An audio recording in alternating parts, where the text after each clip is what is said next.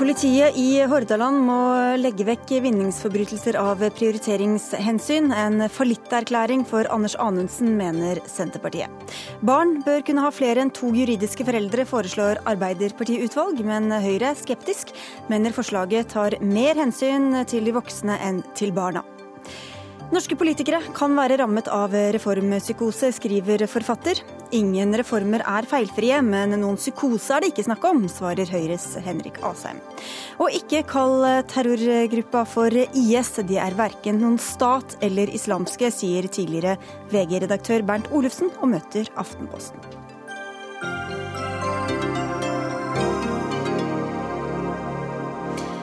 God morgen. Da ble det også feil. God kveld og velkommen til Dagsnytt 18 på NRK P2 og NRK2. I studio Sigrid Solund.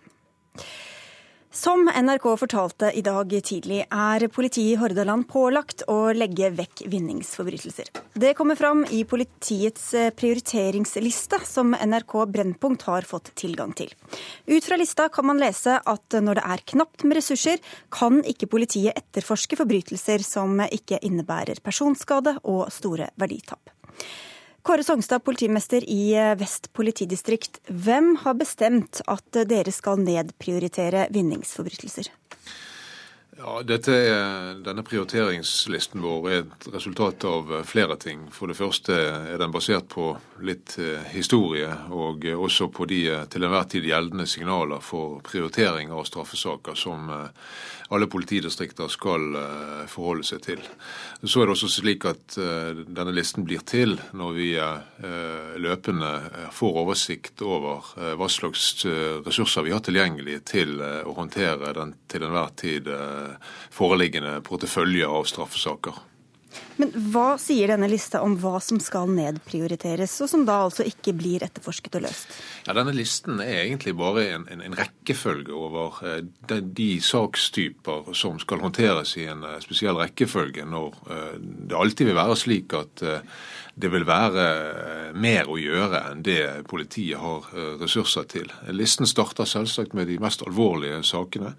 Og Så beveger man seg nedover, og nederst i, i, i listen så finner man eksempler på noen typer vinningskriminalitet som eh, kan prioriteres bort hvis, eh, hvis, eh, etter en konkret vurdering.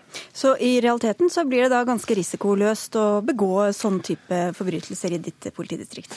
Nei, eh, det er ikke slik listen skal eh, brukes. Eh, det er hele tiden en konkret vurdering som skal foretas. Men i en, i en, i en situasjon der vi på noen områder er bedt om å prioritere enkelte sakstyper opp, f.eks. alvorlige familievoldsovertredelser og overgrep mot barn, så får det konsekvenser for hvordan vi vurderer saker sakene i bunnen av listen, for å si det slik. Og Som vi også hørte i morges, et av problemene med at politiet legger vekk vinningskriminalitet, er bl.a. at dieseltyveri ikke blir eh, etterforsket. Geir Mo, du er administrerende direktør i Lastebileierforbundet. Hva betyr det for dine medlemmer at eh, politiet ikke etterforsker disse tyveriene? Nei, Det betyr jo at de står relativt maktesløse i, eh, når det gjelder kriminalitet som dessverre er økende. Eh, og et lite dieseltjuveri på noen hundre liter høres jo tilsynelatende ganske uskyldig ut, men når man legger til alle kostnadene som det medfører, så kan det være mange titalls tusener, og til og med opp i 100 000, i tillegg til menneskelige lidelser for de som blir utsatt for det. Så det er jo det samme som å på en måte gi opp. Det er å sende et signal til de som ønsker at her er det fritt fram. Blir du tatt, så blir du sluppet ut igjen. og må politiet blir kjent med navn og, og bilnummer osv., så, videre, så spiller det ingen rolle. Så det er, eh, det er, en forferdelig trasig situasjon. Ja, For selv når dere har, eller dine medlemmer selv har eh, kommet med fysiske bevis, så har det ikke endt i noen eh, etterforskning eller tiltale? Det, anleggelse blir henlagt, og selv om man har videobevis og si, gjerningsmann og alt, så får det ingen reaksjon. Det blir ingen reaksjon før medlemmet dessverre sjøl ser seg nødt til å ta loven i egne hender. Da først kommer politiet. Ikke for å gå etter den kriminelle, men for å gå etter vårt medlem. Og Det er jo en situasjon som er uholdbar, selv om man selvfølgelig ikke skal ta loven i egne hender. Ja, Songstad, hvilke signal sender dette ut til eh, folk at man da ikke etterforsker sånne type saker? Altså, jeg skulle gjerne tatt fatt i eh, mange flere av også denne typen uh, saker. Uh, men jeg tror de fleste forstår at man må ha en form for rekkefølge på hva man holder på med i en, i en prioritering av etterforsker, og at det er naturlig å begynne med de mest alvorlige. Jeg tror folk forstår det og greit forholder seg til det. Og så er det viktig for meg også å si det at, at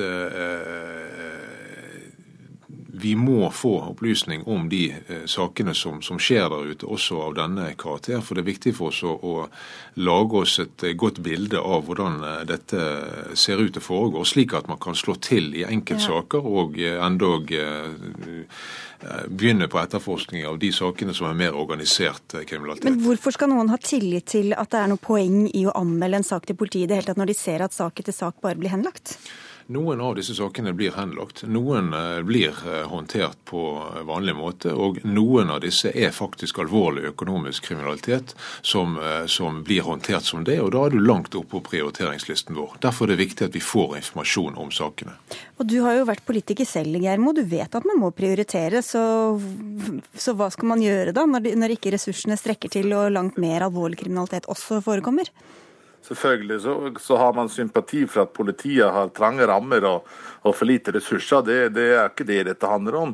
Men, men det signalet man sender ut når man åpent går ut og sier at man prioriterer bort såkalt vinningskriminalitet, det blir helt feil. Det er en fallitterklæring for samfunnet. Noe av det viktigste vi som samfunn gjør, er å sikre livet og eiendom. Og når man da rett og slett går ut og sier at dette får vi ikke til, så er det en fallitterklæring. Fire av ti lastebileiere har opplevd tyveri eller det å bli rana hos oss. 68% av disse igjen har opplevd tyveri, altså blitt frastjålet diesel. Det er en økning de siste to åra. Flere av de har, har, eh, blir frastjålet alt mulig annet rart i forbindelse med sin næringsvirksomhet. Og de opplever, eh, stadig flere opplever trusler og annen type virksomhet. Og dette er ikke billig eller enkel eller ufarlig vinningskriminalitet. Dette er organisert kriminalitet av omreisende bander, og politiet burde håndtere dette som det og ikke kategorisere det som ufarlig vinningskriminalitet. Så her er, det en, her er det en jobb å gjøre. Søgstad? Kan du gjenta? Ja, hva sier du? Altså, at, at, det blir sett på og omtalt som ufarlig vinningskriminalitet, når det faktisk kan også være organiserte bander som står bak? Ja, det var det jeg var inne på. Eh, dette her er et spekter av, av hendelser fra enkeltstående tyverier av få liter diesel til avansert eh, organisert kriminalitet. Derfor er det viktig at vi får vite om disse sakene, eh, slik at vi kan, vi kan etterforske de som er de mest alvorlige av disse. Men det er også et poeng å, å være tydelig på at vi prioriterer mer alvorlig kriminalitet enn dette først, og, og, da må dessverre noen av disse sakene henlegges. Men det, er jo ikke bare, det gjelder vel ikke bare dieseltyverier? Jeg kan jo tenke meg at hvis du blir frastjålet sykkelen din eller noe annet eh, som kanskje er viktig for det er jo ganske opprørende, så, det, så, vil man så vil jo tenke det samme. Det er ikke noe vits i å anmelde, det blir ikke tatt på alvor av politiet uansett? Nei, jeg har forståelse for at mange tenker sånn, og det er, det er synd at eh, det er slik. Eh, men jeg, jeg, tror man også forstår at vi må ha en prioritering av det vi holder på med, og da må det nesten bli slik. Og så hørte vi at det er en del som tar loven i egne hender altså i Hordaland, noe dere advarer mot. Men kan du forvente at folk bare skal sitte stille og se på at de blir frastjålet tingene? Nei, det kan jeg ikke. Med den selvtektebiten som vi da snakker om, den advarer vi så sterkt vi kan mot. Eh, her snakker vi om tyveri av diesel kontra det å bruke vold fra, fra, fra den som utsettes for det. Og det er det er to veldig forskjellige ting vi snakker om, og vi gjentar vår oppfordring om at man avstår fra å ta loven i egne hender. Det, det er vi som skal håndtere. Vi skal takke av deg, Kåre Songstad, politimester i Vest politidistrikt, og deg også, Geir Mo. Men før vi legger på helt eh, Du har jo selv, som jeg nevnte, lang fartstid fra politikken, fra toppen i Fremskrittspartiet. Hvor imponert er du over ditt gamle parti, eh, hvordan de har håndtert dette i Justisdepartementet? Nei, jeg, vil, jeg, vil, jeg eh, tror ikke jeg skal gå inn og kommentere enkeltpartier, men det er klart at regjeringen, eh, alle regjeringer må sørge for at politiet har rett organisert og har nok ressurser. Og Når denne meldinga nå kommer fra, fra politidistrikt vest etter en nærmest rundskriv fra, fra Riksadvokaten, så er det klart at regjeringen og stortingsflertallet har definitivt jobb, en jobb å gjøre. For Jeg kan jo forsikre si, politiet her om at folk har ikke forståelse for at man må prioritere bort denne såkalte vanlige hverdagskriminaliteten. Og Et dieseltyveri er ikke bare et dieseltyveri, det har store konsekvenser for den næringsdrivende som forsøker å drive sin ærlige virksomhet. Og det har også konsekvenser for folk sitt arbeidsmiljø, sjåfører som ligger ute på en rasteplass og opplever å bli utsatt for tyveri i løpet av natta. Så dette er alvorlig kriminalitet. Det rammer mange, og det kan altså ikke feies til side som, som, som enkel vinningskriminalitet som ikke det er verdt å prioritere. Takk skal du ha også, Geir Mo fra Lastebileierforbundet, justisminister Anders Anundsen fra Fremskrittspartiet. Hva syns du om at politiet i Hordaland prioriterer så hardt at vinningsforbrytere strengt tatt ikke har særlig mye å frykte? Nei, nå skal det ikke være sånn at vinningsforbrytere ikke har noe å frykte. og Vi ser jo på den nasjonale statistikken at vi har en høyere oppklaringsprosent av vinningskriminalitet nå enn det vi hadde i 2014. Den har gått opp med tre prosentpoeng omtrent. Det er en reduksjon i vinningskriminaliteten nasjonalt på omtrent 12 Eh, hvordan de prioriterer de ulike politidistriktene må politimesterne, og det har vi hørt politimesteren i vest nå forklare seg om.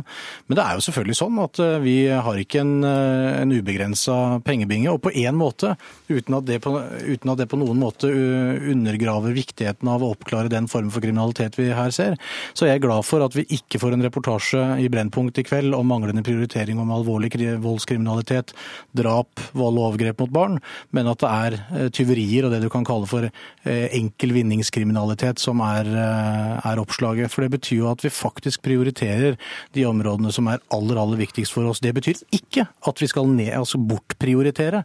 Eller, det betyr jo komme, det i praksis, nei, da? Det betyr at du skal nedprioritere til fordel for annen kriminalitet, men ikke prioritere bort. Det betyr jo ikke at du skal slutte å oppklare vinningskriminalitet. For i det samme skriver både fra Justis- og beredskapsdepartementet og fra Riksadvokaten fremgår det veldig tydelig at eh, organisert kriminalitet skal prioriteres opp. Deler av de dieseltyveriene vi kan kan se her, kan være det. Og at eh, saker med kjent gjerningsmann eller antatt kjent med gjerningsmann som hovedsak ikke skal, skal, henlegges. Så er det min jobb som politiker å sørge for at rammene til politiet er så gode at de er i stand til å gjøre jobben sin. Og siden regjeringsskiftet så har det altså kommet på plass 1054 nye politistillinger, 50 nye politijurister. I realiteten er det over 80 flere politijurister i politiet nå enn det det var eh, når vi tok over. Det er 16 nye statsadvokater, og vi har brukt mer enn 3 milliarder kroner mer på politiet. Men for alle som da blir frastjålet ting uten å oppleve at eh, politiet tar det på alvor eller etterforsker etterforsker det i det hele tatt, så er det kanskje en fattig trøst? Jeg tror ikke det er en fattig trøst, for det betyr jo at vi nå også får resultater. Den statistikken jeg viste til i stad viser jo at vi oppklarer mer kriminalitet. Vi har nedgang i vinningskriminalitet, og ting går den rette veien. Og vi har flere folk som jobber med eh, alvorlig kriminalitet.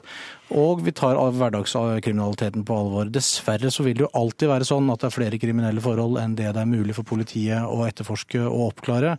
Og Derfor må man ha en prioritering mellom de sakene som er viktigst. Og jeg tror det er ganske stor politisk enighet, muligens med unntak av Senterpartiet, at det er viktig å prioritere den mest alvorlige kriminaliteten først. Senterpartiet, det er deg, det er justispolitisk talsperson Jenny Klinge. Du kaller dette en fallitterklæring for Anders Anundsen? Ja, på et sett og vis så er det jo det. Det første jeg må si, det er jo selvsagt at uh, politiet skal prioritere den mest alvorlige kriminaliteten. Altså Skjer det et drap og en har et tyveri, uh, og de to tingene står opp mot hverandre samme dag, så sier seg sjøl uh, hva en må prioritere. Det er jo Senterpartiet opplagt også enig i.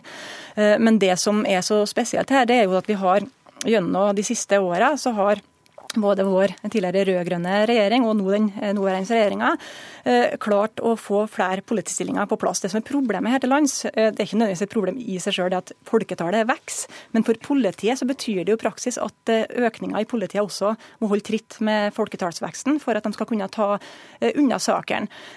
Og Vi ser også på kriminalitetsbildet at det endrer seg. Det er jo færre for så vidt saker innenfor en del felt, men de blir mer komplekse, vanskelig å etterforske og krever mer tid av politiet.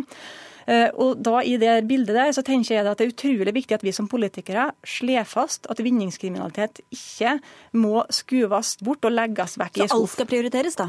Ja, at, ja, faktisk. Vi er nødt til å sørge for at vi klarer å ha et politi som er i stand til å ta eh, vare på alle områder. Fordi da blir det jo ikke noen prioritering. Hør, et viktig, viktig, poeng her. Det er det at vinningskriminalitet det er jo den kriminaliteten som skjer veldig mange forskjellige typer eh, lovbrudd eh, over hele landet. Eh, og så er det slik at hvis at folk opplever gang på gang at de ikke får hjelp til den type kriminalitet, at de kommer hjem til huset sitt, det har vært innbrudd, med den utryggheten det medfører, så vil det føre til mindre respekt for politiet. Med mindre respekt for politiet pga. disse sakene over tid, så vil det jo også føre til at annen type lovbrudd blir mer av og altså, verre. En ond sirkel. Ja, det er en ond sirkel som fører til at vi får store problemer. Så vi er nødt til å ha et politi som klarer å være troverdig på alle mm. kriminalitetsfelter.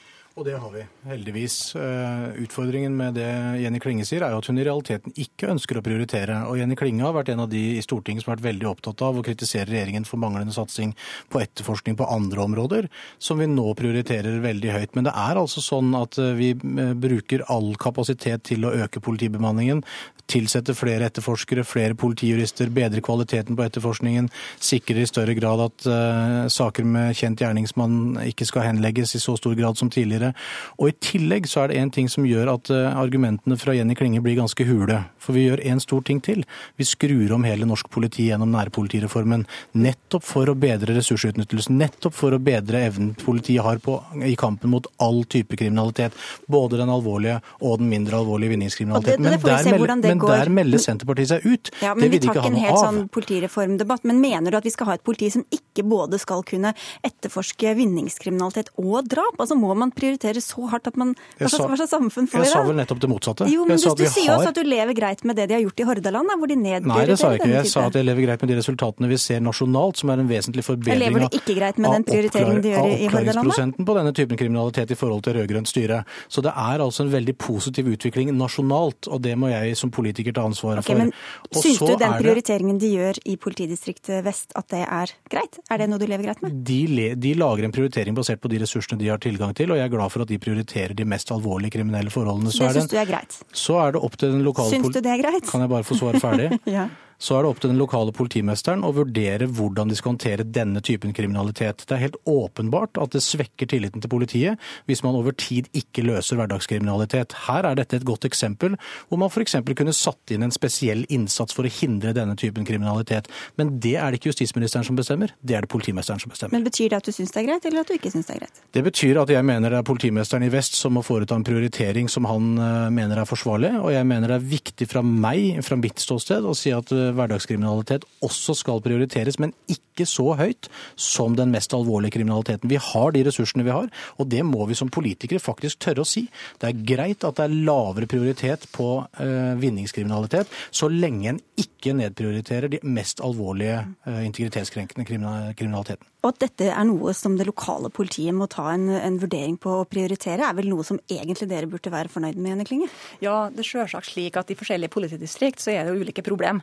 Eh, og da er ulike grad av problem innen forskjellige typer kriminalitet. Og, og, sånn vil det jo måtte være.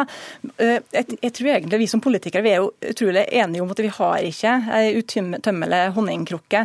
Det som er litt spesielt i den eh, situasjonen som vi er i nå, det er jo at det partiet som har justisministeren, nemlig Frp, er jo det partiet som gjennom mange år har klart å få det til å framstå som om det ville være ei utømmelig krukke av penger som man kunne bruke ja, men... til, til, nettopp politiet. Og, det, og, jeg vil ikke, og jeg, jeg tenker at lytterne er sikkert ordentlig lei til å høre sånn eh, politisk eh, kasting mot hverandre. Men det går nesten ikke an å unngå å nevne at ut ifra de lovnadene som Frp kom med før eh, valget, stortingsvalget sist, så skulle han tro at både var mulig å bremse innvandringa mye, få Krekar ut på første fly, og få sikre at det er fullt av politi i gata. Det er vel ikke det som tar mest av, av eh, ressursene. Men hvordan skal de klare å prioritere lokalt når politikerne da stadig kommer og sier at alt skal prioriteres opp? Ja, og, det er et godt spørsmål, et vanskelig spørsmål, men det er et spørsmål vi likevel er nødt til å kunne ta. og det som jeg tenker... Men Hva er svaret på det, da? Svaret er at vi kan ikke ikke la det bli slik at politiet eh, kun tar de aller mest alvorlige, og at alt som er av vinningskriminalitet, ikke blir tatt. Så sa jo også eh, de fra Hordaland nå, og presiserer at det nettopp ikke er slik. Sant? Ja, Det er jo ikke sånn at ingen saker av vinningskriminalitet blir tatt, men dette handler om graden av også, altså antallet.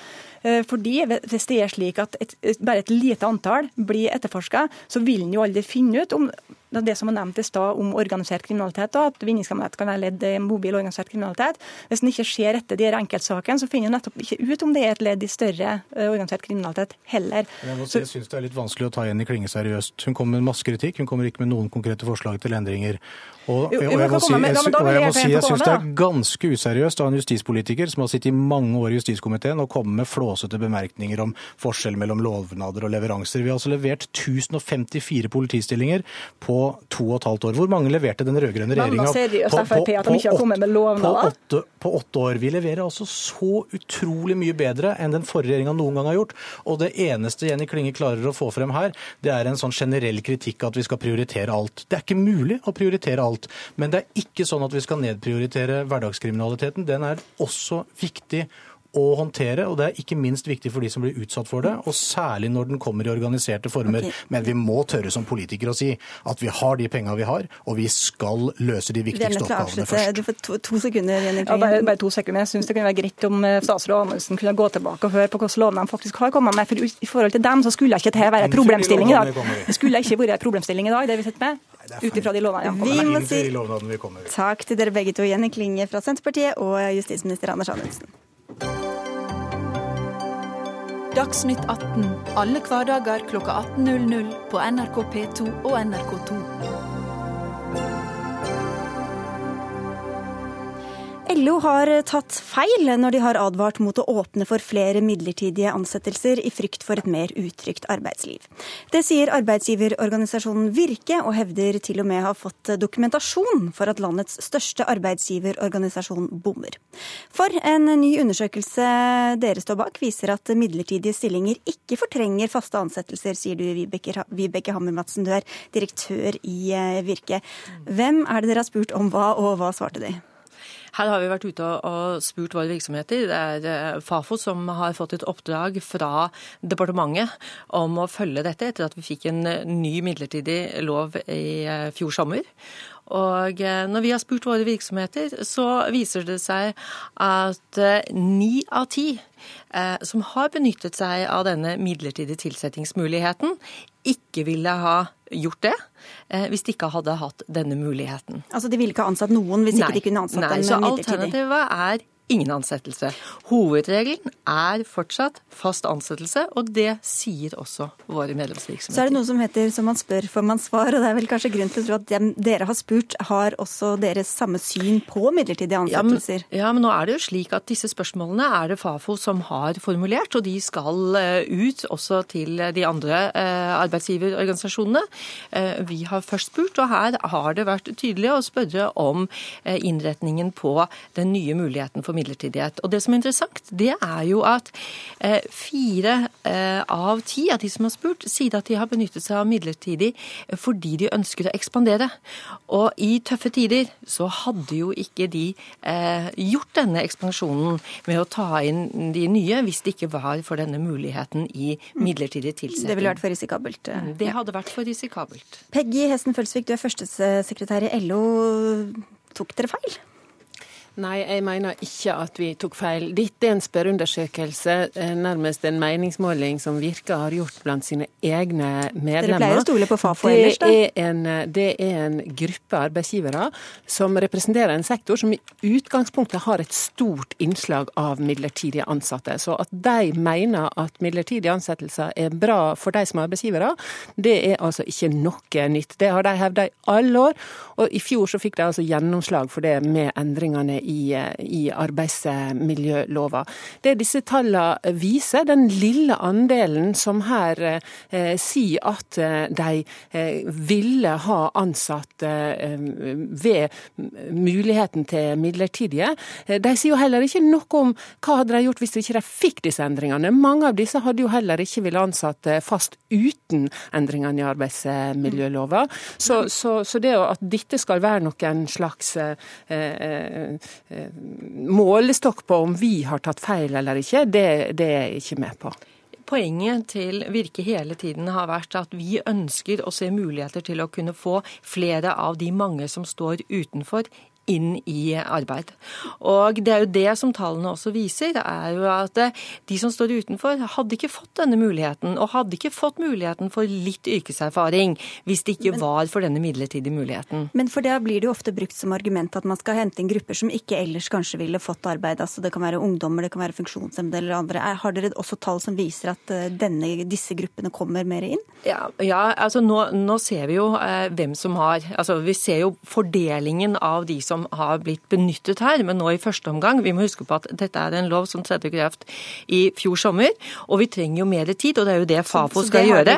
Så vi trenger, eh, trenger flere. Men vi ser at integrering, altså det å integrere flere av de som har stått utenfor, om det har vært unge, eh, til og med seniorer, så ser vi jo også at en mindre andel er også på integrering. Men den største delen er det Virke sa, nemlig i ekspansjonsmuligheter. Og det er jo det vi trenger nå i disse omstillingstider, nemlig virksomheter som tør å satse videre.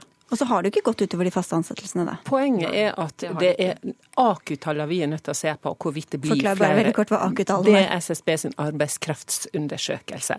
Eh, der kommer det nye tall i morgen, men de siste tallene vi har er fra november i fjor. Og den undersøkelsen viser akkurat det, at vi har ikke fått noen flere arbeidsplasser. Tvert imot så har vi fått en høyere andel midlertidige ansettelser. Så det er akkurat det vi frykta ville skje. Hvis jeg skulle si noe i forhold til tallene som Vibeke Madsen kommenterer her, og hvorvidt man eh, det gjør at man tar inn andre grupper så vil jeg jo si at det som er synd med disse tallene, er jo at så utrolig få, hvis vi skal legge disse tallene eh, til grunn, faktisk da har eh, fått anledning til å komme inn i arbeidslivet. For, for når vi snakker om, når Vibeke Madsen snakker om eh, denne andelen her, så skal vi huske på at det er bare 13% av de som er blitt spurt, som faktisk sier at de har, eh, har ønske om å ansette flere. Så det var kanskje ikke noe skrikende behov for denne endringa, da? Ja, eller, eller, det motsatte, vil jeg, jeg si. For da, da, skjønner ikke jeg hvorfor LO skal være så utrolig engstelig eh, for å gjøre dette. Og vi må jo være klar over at vi er i tøffe tider. Og selv i tøffe tider så sier altså eh, virksomheter nå at de er villige til å gjøre dette fordi de har det midlertidige. For alternativet er jo ikke faste jobber.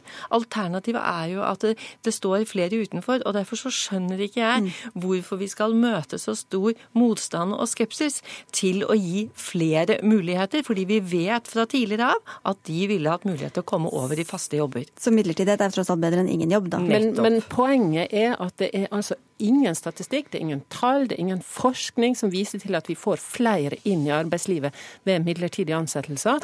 Det vi derimot får, det er at vi får flere midlertidige ansettelser, midlertidige ansatte som har en svakere tilknytning til arbeidslivet. Det stemmer jo ikke, for vi vet det at midlertidighet fører til flere Nei, det vet eh, vi ikke. som får arbeidserfaring. Ja, men da, De har ikke fått faste ansettelser ennå, i hvert fall ut fra deres undersøkelse? Noen har allerede, men nå har vi ennå for lite grunnlag, men fra tidligere av så vet vi at 50% av de som har vært i, i midlertidig i ett år, får fast ansettelse. Og det, det må jo være så bra at vi kan være glad for det. Da får vi se hva tallene viser i morgen, og si tusen takk til eh, dere begge to, Peggy Hesten Følsvik fra LO og Vibeke Hammer Madsen fra Virke. Takk.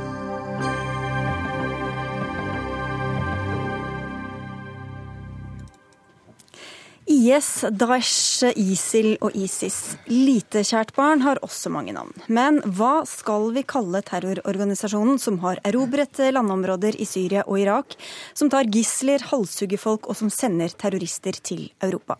I hvert fall ikke den islamske staten IS, skriver du på bloggen din, Bernt Olufsen. Du er tidligere ansvarlig redaktør i Verdens Gang. Hvorfor ikke det? Nei, fordi eh, den betegnelsen er en helt sentral, for ikke å si en av de mest sentrale delene av eh, IS sin propagandastrategi.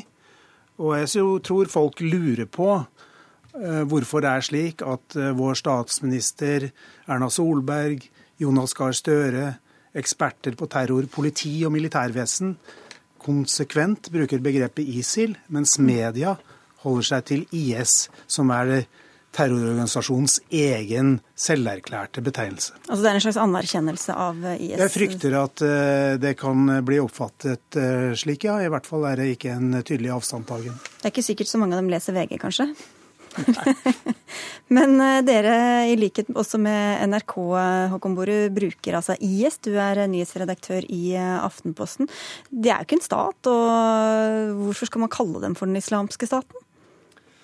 Nei, altså vi har valgt IS, men det er jo ikke uten tvil og uten uh, diskusjon. Uh, da de valgte det nye navnet sitt i, i 2014, sommeren 2014, så var jo det selvfølgelig, akkurat som Bernt her sier, en del av en uh, propagandaoperasjon. Og det kunne i grunn vært nok til å droppe navnet, det, men vi tenkte altså motsatt. Eh, vi mente den gang, og mener vel for så vidt fortsatt, at det ble tydeliggjort at dette navneskiftet det viste en tydelig dreining i terrororganisasjonens ambisjoner. Etter at de oppretta det såkalte kalifatet, og legg merke til at jeg sier det såkalte kalifatet, eh, så ønska altså gruppen å vise at de var løsrevet fra Syria og Irak. Eh, og det ønsket vi å synliggjøre det skiftet ønsker vi å synliggjøre, først og fremst gjennom kritisk journalistikk og analyse, selvfølgelig, men også ved å bruke dette navnet. Og så er det jo sånn at De andre navnene her, som ISIL og ISIS, jo også, har jo også den islamske staten i navnet. Det er jo forkortelser for islamske staten i Irak og Levanten, eller mm. islamske staten i Irak og Syria. Så den islamske staten ligger jo i alle navnene her. Ja, hva skal man kalle dem da, Olufsen? Nei, altså Vi ser jo at de som tar sterkest avstand fra dette, bl.a. folk i Midtøsten selv, muslimer selv, de bruker uttrykket 'dash' eh, om dette, som er en forkortelse for en slags beskrivelse av eh, hva dette eh, området er. Det som vel er helt åpenbart, er at IS ønsker å bli oppfattet som en stat som er i krig med andre stater. Og dette er også helt vesentlig for deres rekruttering av bare eh, for rekrutteringen av fremmedkrigere. og Derfor så syns jeg at er, eh, vi må tenke oss gjennom to ganger før vi kjøper den varianten og snakke om en islamsk stat i bestemt form, slik IS ønsker. Det begrepet skiller seg fra de to andre begrepene litt på den måten. Men, men, nå er jo uh, altså det vi forbinder med IS, da, hvis vi skal bruke det ordet, eh, er jo grusomheter, terror. Uh, hvor mye tror du egentlig det påvirker oss som mottakere at det kaller seg den islamske staten? Ja, altså... Uh, Terroristene ønsker å bli oppfattet som en stat på lik linje med alle andre verdens stater. Men tror du folk gjør det, liksom, bare fordi vi kaller dem Nei, men det er helt vesentlig for deres rekruttering, tror jeg, at de blir oppfattet uh, som det. På den måten tiltrekker de seg uh, fanatisk ungdom som er villig til å gå i krigen for denne staten her. Mm.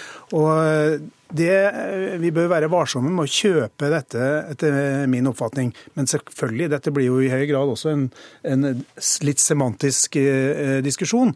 Men det at media og alle andre som eh, uttaler seg om disse hendelsene, eh, politikere, politi, militære, eksperter, bruker ulike begreper, det tror jeg er egnet til å forvirre folk. Ja, og at vi bruker ulike begreper. Det er jo helt sikkert. Jeg har googla litt i dag før jeg kom hit, og det er jo Wall Street Journal bruker IS, Anjan France Press bruker IS, New York Times bruker ISIL og IS, BBC bruker IS og ISIS.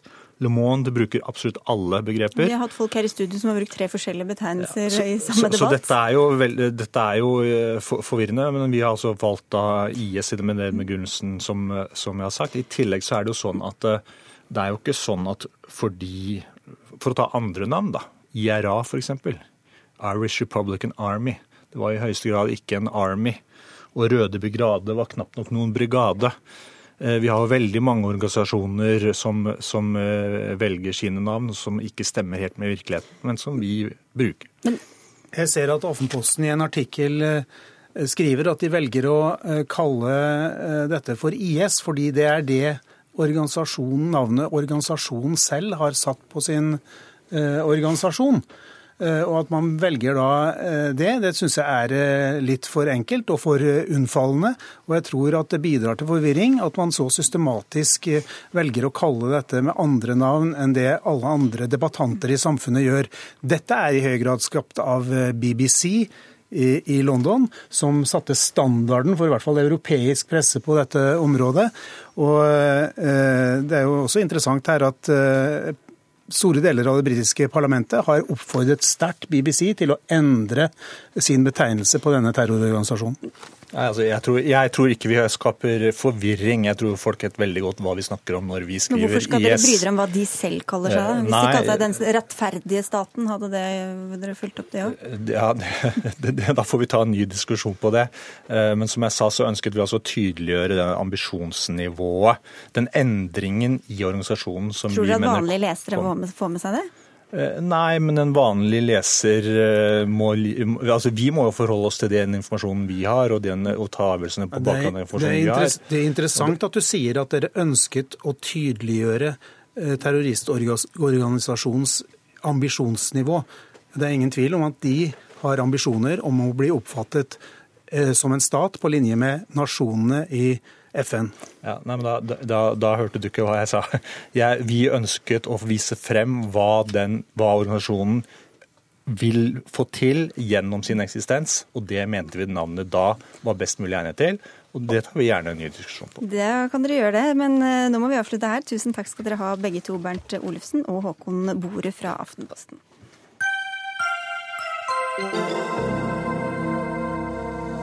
Er det et eh, lurt trekk av et parti med én stortingsrepresentant og 3,4% i oppslutning å gå inn for å kutte sykelønna, gjeninnføre arveavgiften og øke skatten på inntekt og bolig for vanlige lønnsmottakere? Et arbeidsutvalg i Miljøpartiet De Grønne møter nå intern motbør, for det er ikke god grønn politikk å kutte grunnleggende velferdsgoder, hevder du i et leserinnlegg i Klassekampen, varamedlem for MDG i Oslo bystyre, Pål Tygesen. Hvorfor er ikke dette løsninga? Jeg er uenig i det forslaget om sykelønn, men jeg er enig i det grunnleggende premisset som ligger for den debatten som blir reist, nemlig velferdsstatens bærekraft under det grønne skiftet, og at det må på dagsorden i MDG. Eh, og når vi har fundamentale spørsmål oppe i programdebatten og har en åpent eh, grasrotdemokrati, et levende politisk verksted, så får vi gode løsninger, og der tror jeg vi er enige om utgangspunktet. Der hvor jeg derimot er uenig, eh, det er at jeg mener at vi ikke bare kan bruke samfunnsøkonomene sine argumenter, vi må også ha med oss hvordan folk oppfatter eh, det vi foreslår. Og Hvis vi kutter i sykelønna samtidig med at vi øker skattene, så klinger det veldig dårlig hos folk. Men problemet er at vi kan ikke ha en ønskeliste som partiprogram. Og løsningen som jeg foreslår da, eh, det er at vi må definere en kjerne av velferdsstaten som skal være der for folk. Og sykelønn er et viktig tiltak da. Halvard Sulien, du er leder av arbeidsgruppa som er nedsatt av programkomiteen i Miljøpartiet De Grønne. Hva slags taktikk er dette overfor en stadig skrumpende eh, medlemsmasse, eller i hvert fall tilhengerskare? Taktikken er å være ærlige overfor velgerne om hva som må til for å lage en bærekraftig velferdsstat, eh, også økonomisk, ikke bare miljømessig, som De grønne sånn tradisjonelt er mest opptatt av. Eh, og Da er utgangspunktet at vi må kutte Vi får et inndekningsbehov på 131 milliarder kroner i 2060, som er rundt 10% av statsbudsjettet i dag. Og det må vi bruke mange virkemidler på å løse det inndekningsproblemet. Vi må både øke skattene, vi må redusere veksten i utgifter, og vi må også kutte i noen velferdsordninger. Så de syke må betale for det grønne skiftet? Eh, nei, det er sånn at Sykelønna er på 40 milliarder kroner. Eh, og Det er fire ganger budsjettet til Klima- og miljødepartementet, og like mye som vi bruker på forsvar, nesten.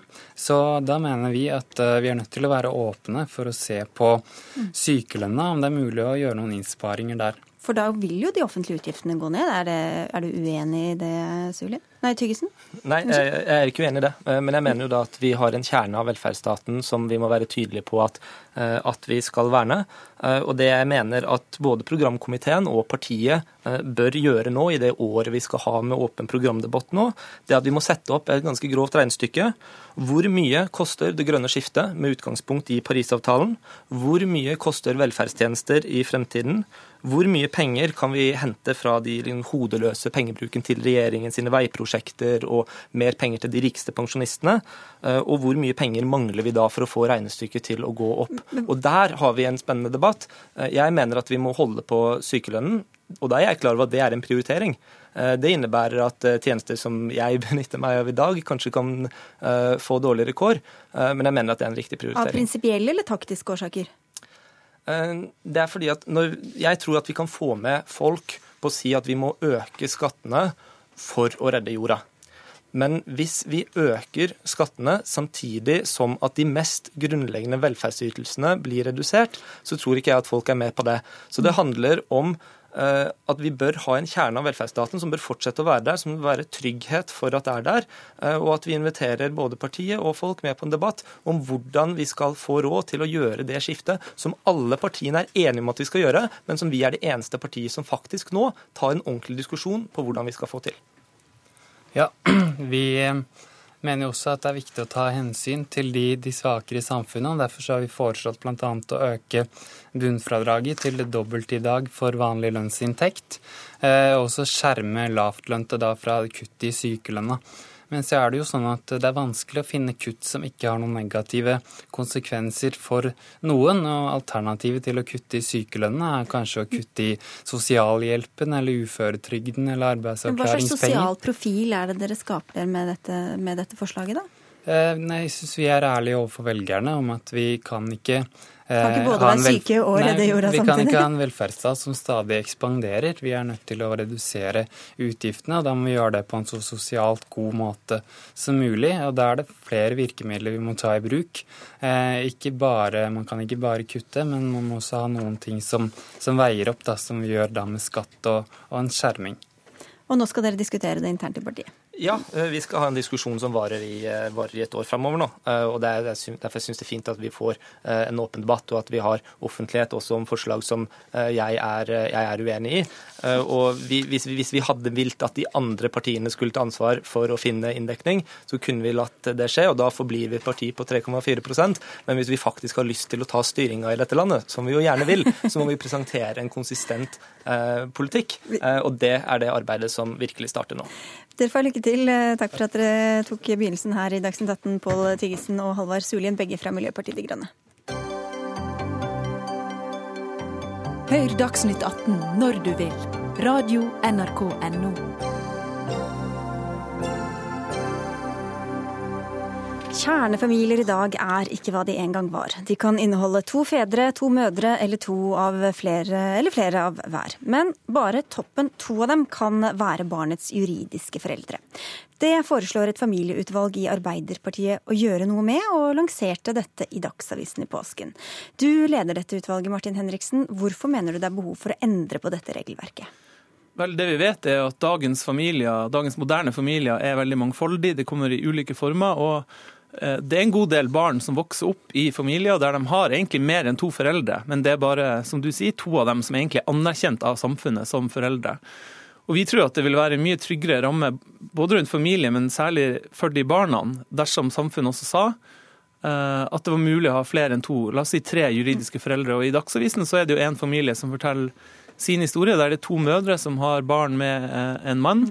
Eh, men der han da egentlig er helt uten rettigheter for barnet. Vi kan komme litt tilbake til disse eksemplene, men hva slags juridiske rettigheter er det dere vil gi eh, disse? Det er jo f.eks. snakk om eh, å kunne ta ut foreldrepermisjon, syke dager med sykt barn. Det gjelder arv, muligheten til å reise med barnet. Rett og slett kunne ta avgjørelser for og på vegne av barnet, når du i realiteten er en fullverdig forelder på eh, de fleste andre måter. Dette forslaget er verken behandlet i Arbeiderpartiet eller i andre partier foreløpig, men din første reaksjon er en viss skepsis, Tina Bru. Du leder et tilsvarende utvalg i Høyre om likestilling og familiepolitikk. Hvorfor er ikke dette et forslag du umiddelbart bejubler?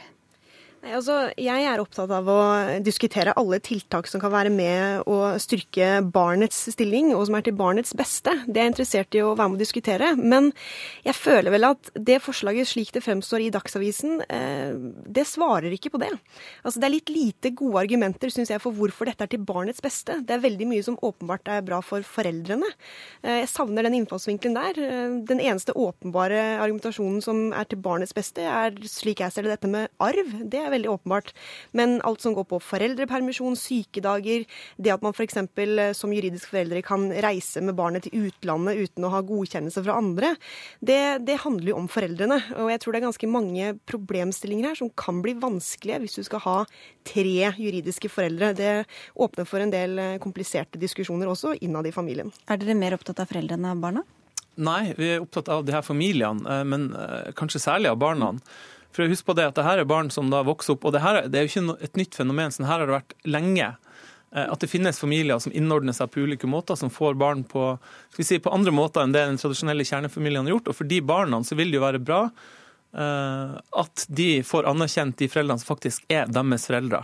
Det er eh, noen som kjenner flere sånne familier, og som har jobba lenge for det, dette. Og det er dere i Landsforeningen for lesbiske, homofile, bifile og transpersoner, eh, LLH, der du er kommunikasjonsrådgiver, Ingvild Endestad. Hvorfor ønsker dere at det skal bli mulig å få tre eller fire f.eks. juridiske foreldre? Det handler både om at de familiene allerede finnes i dag, og at vi mener at det er bra for både barn og for voksne. I motsetning til Tina Bru så mener jo ikke at vi at det er en motsetning. Gode vilkår for foreldre er ofte gode vilkår for barn også. Så er det jo sånn at hvis du ikke kan reise med faren din på ferie, så er det absolutt en ulempe. Eh, Hvorfor kan du ikke barn. det i så fall? Nei, fordi du må ha godkjennelse fra en, fra en annen part. Det å ikke ha like rettigheter til eh, å være sammen med barnet ditt, å være hjemme med sykt barn. Og så er det også sånn at vi tenker at det å ha juridiske bånd til et barn er med på å styrke det emosjonelle båndet, fordi man er mindre redd for at det skal kunne brytes ved eventuelle konfliktsituasjoner. og sånn. Hva slags type familier er det det er snakk om som da hadde trengt å få, hvor flere skulle få juridiske rettigheter? Det er jo f.eks. Eh, et lesbisk par som får barn sammen med et homofilt par eller en eh, mann. Eller det er et homofilt par som ønsker å ha barn, og som da trenger inn en dame som de ønsker skal være en aktiv mor inn i den familien. Du nevnte praktiske problemer, Tina Bru. Hva er det du ser for deg at kan oppstå av eh, vanskeligheter? Altså nå snakker jo flere her om dette med trygge rammer for barnet. Det er jeg helt enig i. da, Men si at du, du, har tre juridiske foreldre. Plutselig så åpner man jo for en mulighet for et slags flertallsstyre i familien. Da, altså et familiedemokrati. Altså hva om to foreldre eh, mener noe annet enn det den ene andre gjør? Altså hvem skal, hvem skal ha rett? Hvem, hva veier tyngst? Er det de to mot én som alltid vinner frem? Eh, det andre er f.eks. barn har jo medbestemmelsesrett eh, om seg selv og hva som skjer med de. Eh, hvordan vil barnets stemme veie inn i en en konstellasjon med tre juridiske foreldre. Altså, Hva veier tyngst? Jeg er ikke helt sikker på at dette egentlig er en veldig trygg ramme. Og det er ikke trygt heller for et barn eh, hvis én forelder plutselig har lyst til å reise til utlandet med barnet, eh, men ikke trenger å spørre de to andre. Altså, Hvordan gir det egentlig en trygg ramme? Det åpner for større konfliktsaker, og ikke minst over et samlivsbrudd. Vi kan komme tilbake til samlivsbrudd, men akkurat det kan jo være vanskelig nok å bli enig bare to NSA. enn. Hvordan man skal oppdra, hvor du skal gå på skole og hva slags alt mulig rart som kan dukke opp. Det kan vi jo til, og det tenker jeg at både to og tre foreldre kan ha enigheter og uenigheter. Men nå er det jo sånn at disse familiene eksisterer per i dag, de tar beslutninger sammen. Men rammen er ikke god nok for at man kan få være foreldre fullt ut. Så er det også sånn at, at hvis man snur det på hodet, da, hvorfor er det Hvilke problemer byr det på for et barn når man ikke får muligheten til å engang snakke om familien sin åpenlyst? Fordi sånn som den familien som står fram i Dagsavisen Eh, som da står for anonymt, fordi de ikke kan snakke om den familiekonstellasjonen de har. Også i den familien så er det jo sånn at de har to ulike biologiske mødre, men samme biologisk far. Da vil jo de to søsknene ha helt ulike juridiske foreldre. Så at kompleksiteten er jo der uansett, men den tryggheten for barna handler jo om å få tilgang til alle sine foreldre. Så hvordan vil dere løse dette, Martin Henriksen? Altså, jeg tror jo for det første at de her planlagte barnefamiliene, eh, som f.eks. består av et, et lesbisk par eller et homofilt par som velger å få barn på litt ulike måter, de, når de velger å få barn, så er det veldig ofte en svært grundig eh, prosess som ligger bak det. Det er ikke veldig enkelt for de parene eh, å få barn, men de har altså gjennom mange år innretta seg sånn at man, man, får det. Og vi har vært, I Arbeiderpartiet sitt familieutvalg vært opptatt av å lytte til det mangfoldet av familier som er der ute. Og jeg må ærlig talt si at Det overraska meg litt at denne problemstillinga kom på bordet. For det første over at det ikke hadde vært diskutert noe særlig i norsk politikk. Jeg klarte nesten ikke å finne eksempler på at det har vært oppe i norsk media heller. Uh, og uh, overraska av at det nærmest er tabu. Og det her er, det vi snakker om er at det er egentlig en god del familier som lever litt sånn i skjul. Eh, og Dagsavisen for eksempel, har problemer med å få familier til å stå åpent fram og snakke om det her, fordi at de er redd for hvordan det vil påvirke familiesituasjonen deres, som de kanskje mister rettigheter, rett og slett. Og de finnes allerede i dag, Tina Bru, så skal man bare la det liksom leve i skjul, da, eller hva skal du gjøre? Nei, altså her tror jeg at Martin Henriksen har et veldig godt poeng, eh, og derfor jeg sier at eh, jeg er absolutt med på å diskutere dette. Jeg bare ser noen problemstillinger som er vanskelige, og ikke minst da, hvis du ser på bioteknologiutviklingen i dag, så kommer man kanskje i en situasjon i fremtiden hvor det er mulig å genetisk ha tre ulike foreldre. Så det er ingen tvil om at i, en, i et samfunn med stadig nye typer familiekonstellasjoner, ting beveger seg raskt, så må man diskutere dette. Men jeg er ikke så veldig sikker på at det å ha like rettigheter for tre eller flere foreldre for ett og samme barn, er det absolutt beste for barnet. Jeg tror det kan være komplisert. Det kan jo også være allerede i dag ved samlivsbrudd, som Tine Bru nevnte, at det f.eks. er veldig sterk sånn rettighetstenkning. Eh, hvis man får enda flere som har juridiske rettigheter, hvordan skal man være sikker på at ikke det bare gir enda mer sånn eh, her skal det deles likt, f.eks., uansett hva som skjer med barnet? De må man jo løse i hvert enkelt tilfelle, sånn som man gjør i dag i hver enkelt familie. Eh, men det er jo sånn at barnet vil Det vil bli vanskeligere jo flere parter som er involvert? Ja, men de partene er der jo allerede i dag. Den store utfordringa her er jo at barnet ikke har noen garanti eh, for å kunne være sammen med det barnet som i dag ikke er juridisk forelder. Og det er den rettigheten vi har lyst til å gi dem. For da kan du vokse opp eh, f.eks. i sju år med to foreldre, og hvor den ene kan bare ta med seg barnet og aldri mer nærmest se den andre moren eller faren, eh, Tina Bru. Ja, jeg ser absolutt den, men jeg tror at altså f.eks. det med samlivsbrudd er en, en potensielt ganske stor konflikt. Det kan være ganske opprivende allerede i dag for barn som, som, går gjennom det, som ender opp med å bruke halvparten av tiden sin i to forskjellige hjem. Skal de nå dele tiden sin mellom tre forskjellige hjem, kanskje fire forskjellige hjem?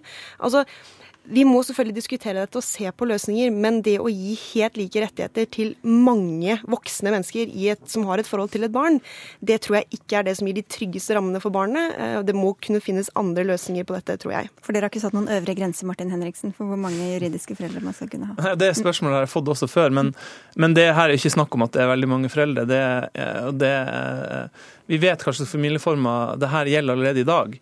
Eh, og altså, Det kan oppstå problemer i alle familier med samlivsbrudd, eh, den type konflikter. Og det, Poenget er at de type konflikter kan skje i de her nye familiene i dag også. I de beste hjem. Men hvis man, har, hvis man har juridisk ramme rundt dem, så vil jeg heller si at da er det mulig å løse det på en bedre måte eh, enn i dag, der f.eks. en av foreldrene står helt uten rettigheter. Vi får se om du klarer å overtale ditt eget parti. Vi får si tusen takk til dere alle sammen. Martin Henriksen fra Arbeiderpartiet, Tina Bru fra Høyre og Ingvild Endestad fra LLH.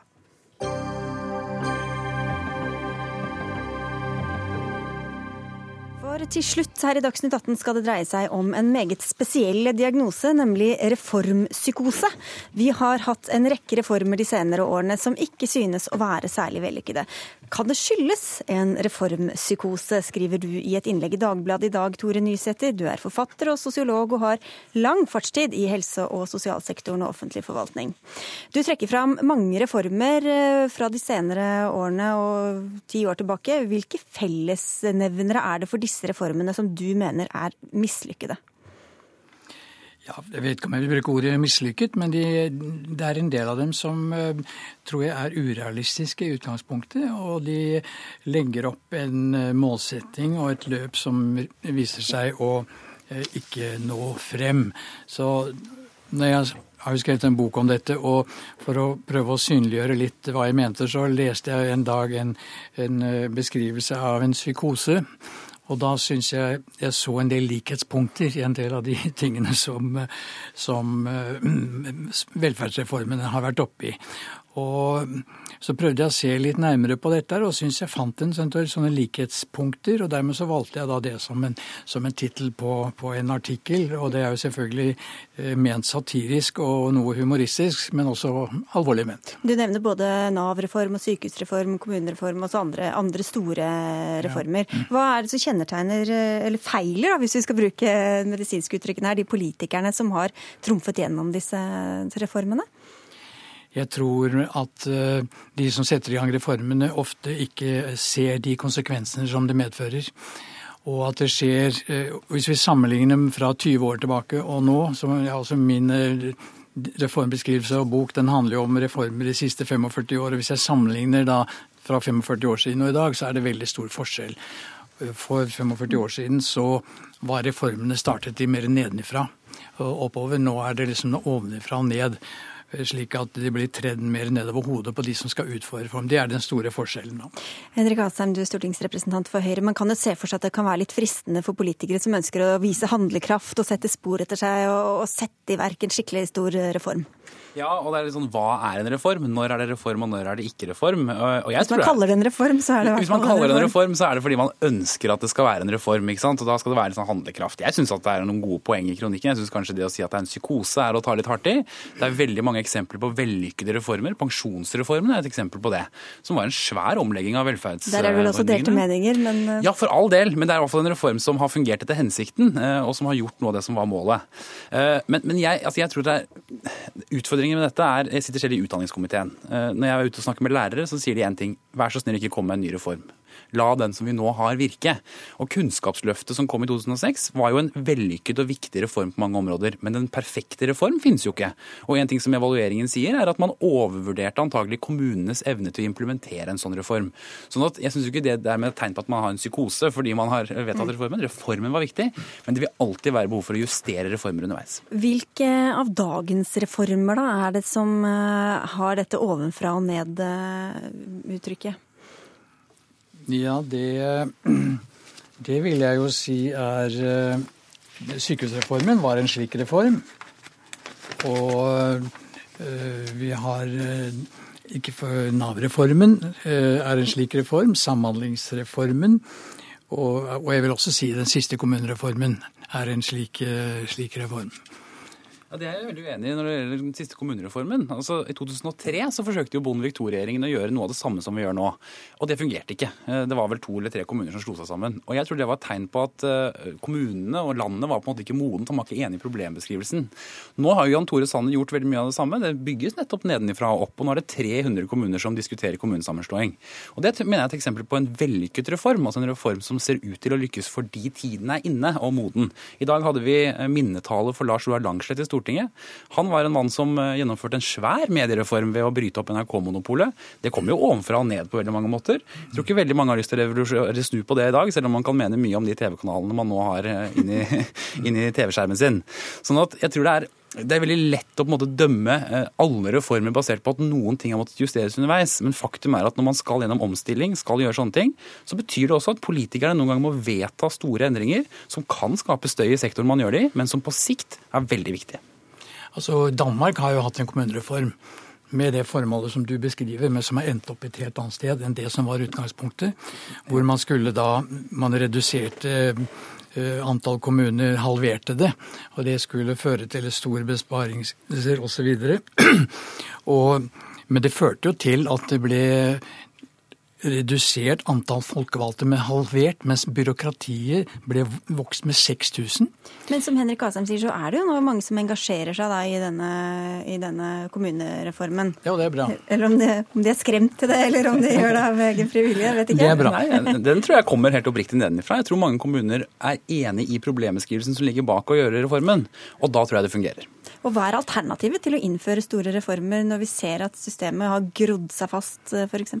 Men det er jo en interessant eh, undersøkelse når det gjelder kommunereform, da, at eh, de, og det er gjort av, eh, på, på universitetshold, at det er småkommunene som scorer best når det gjelder både tjenester, tilliten til tjenester og osv. Vi tar ikke hele kommunedebatten. Nei, vi skal ikke ta den her, men, jeg, men det er så mange sånne elementer som man også må ha med i en sånn diskusjon, og ikke tro at alt det store er det beste. Nei da, men, altså, Man kan gjerne være uenig i kommunereformen, men jeg mener bare at den som vi ser nå, viser en reform som fungerer, fordi den kommer nedenifra. Hvilke reformer er det som ikke har fungert, da? Nei, jeg Bortsett fra mener den at- Bondevik II-kommunereformen. Ja, nei, altså Jeg mener jo f.eks. at Nav-reformen det å trekke frem den, er et eksempel på hvert fall en reform hvor man slo sammen to svære etater. Antagelig gikk i hvert fall for fort. Altså Man eh, forhastet seg. og Det var også et skifte av stortingsflertall underveis som gjorde at reformen ble annerledes enn den først var tenkt. Altså Den statsråden som laget reformen, eh, eller forslaget, Ingjerd Schou, var ikke den samme som implementerte den. Da var det den rød-grønne regjering. Sånn at eh, Det kan være et eksempel på en, en reform som ikke har fungert sånn som man ønsket.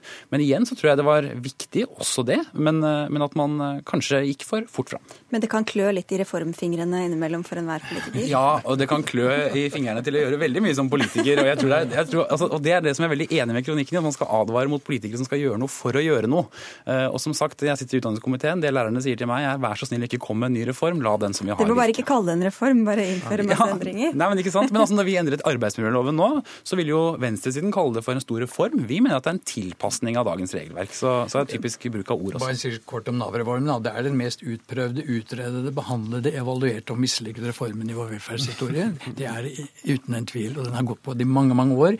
Og den har ikke tatt hensyn til noen av de faglige utredninger som lå til grunn. Så et kjempekort råd til alle som skulle ønske seg en ny reform. Hva, hva må til for å lage en vellykket reform? Ja, de må starte nedenfra, og ikke sitte inne i Stortinget og sentrale myndigheter og ta det ovenfra ned. Vel, hvis man ser på politireformen som vi har laget nå, som er kjempeviktig for, eh, for Norge, så kommer den ovenifra, men den er helt nødvendig for å ha en god beredskap i Norge.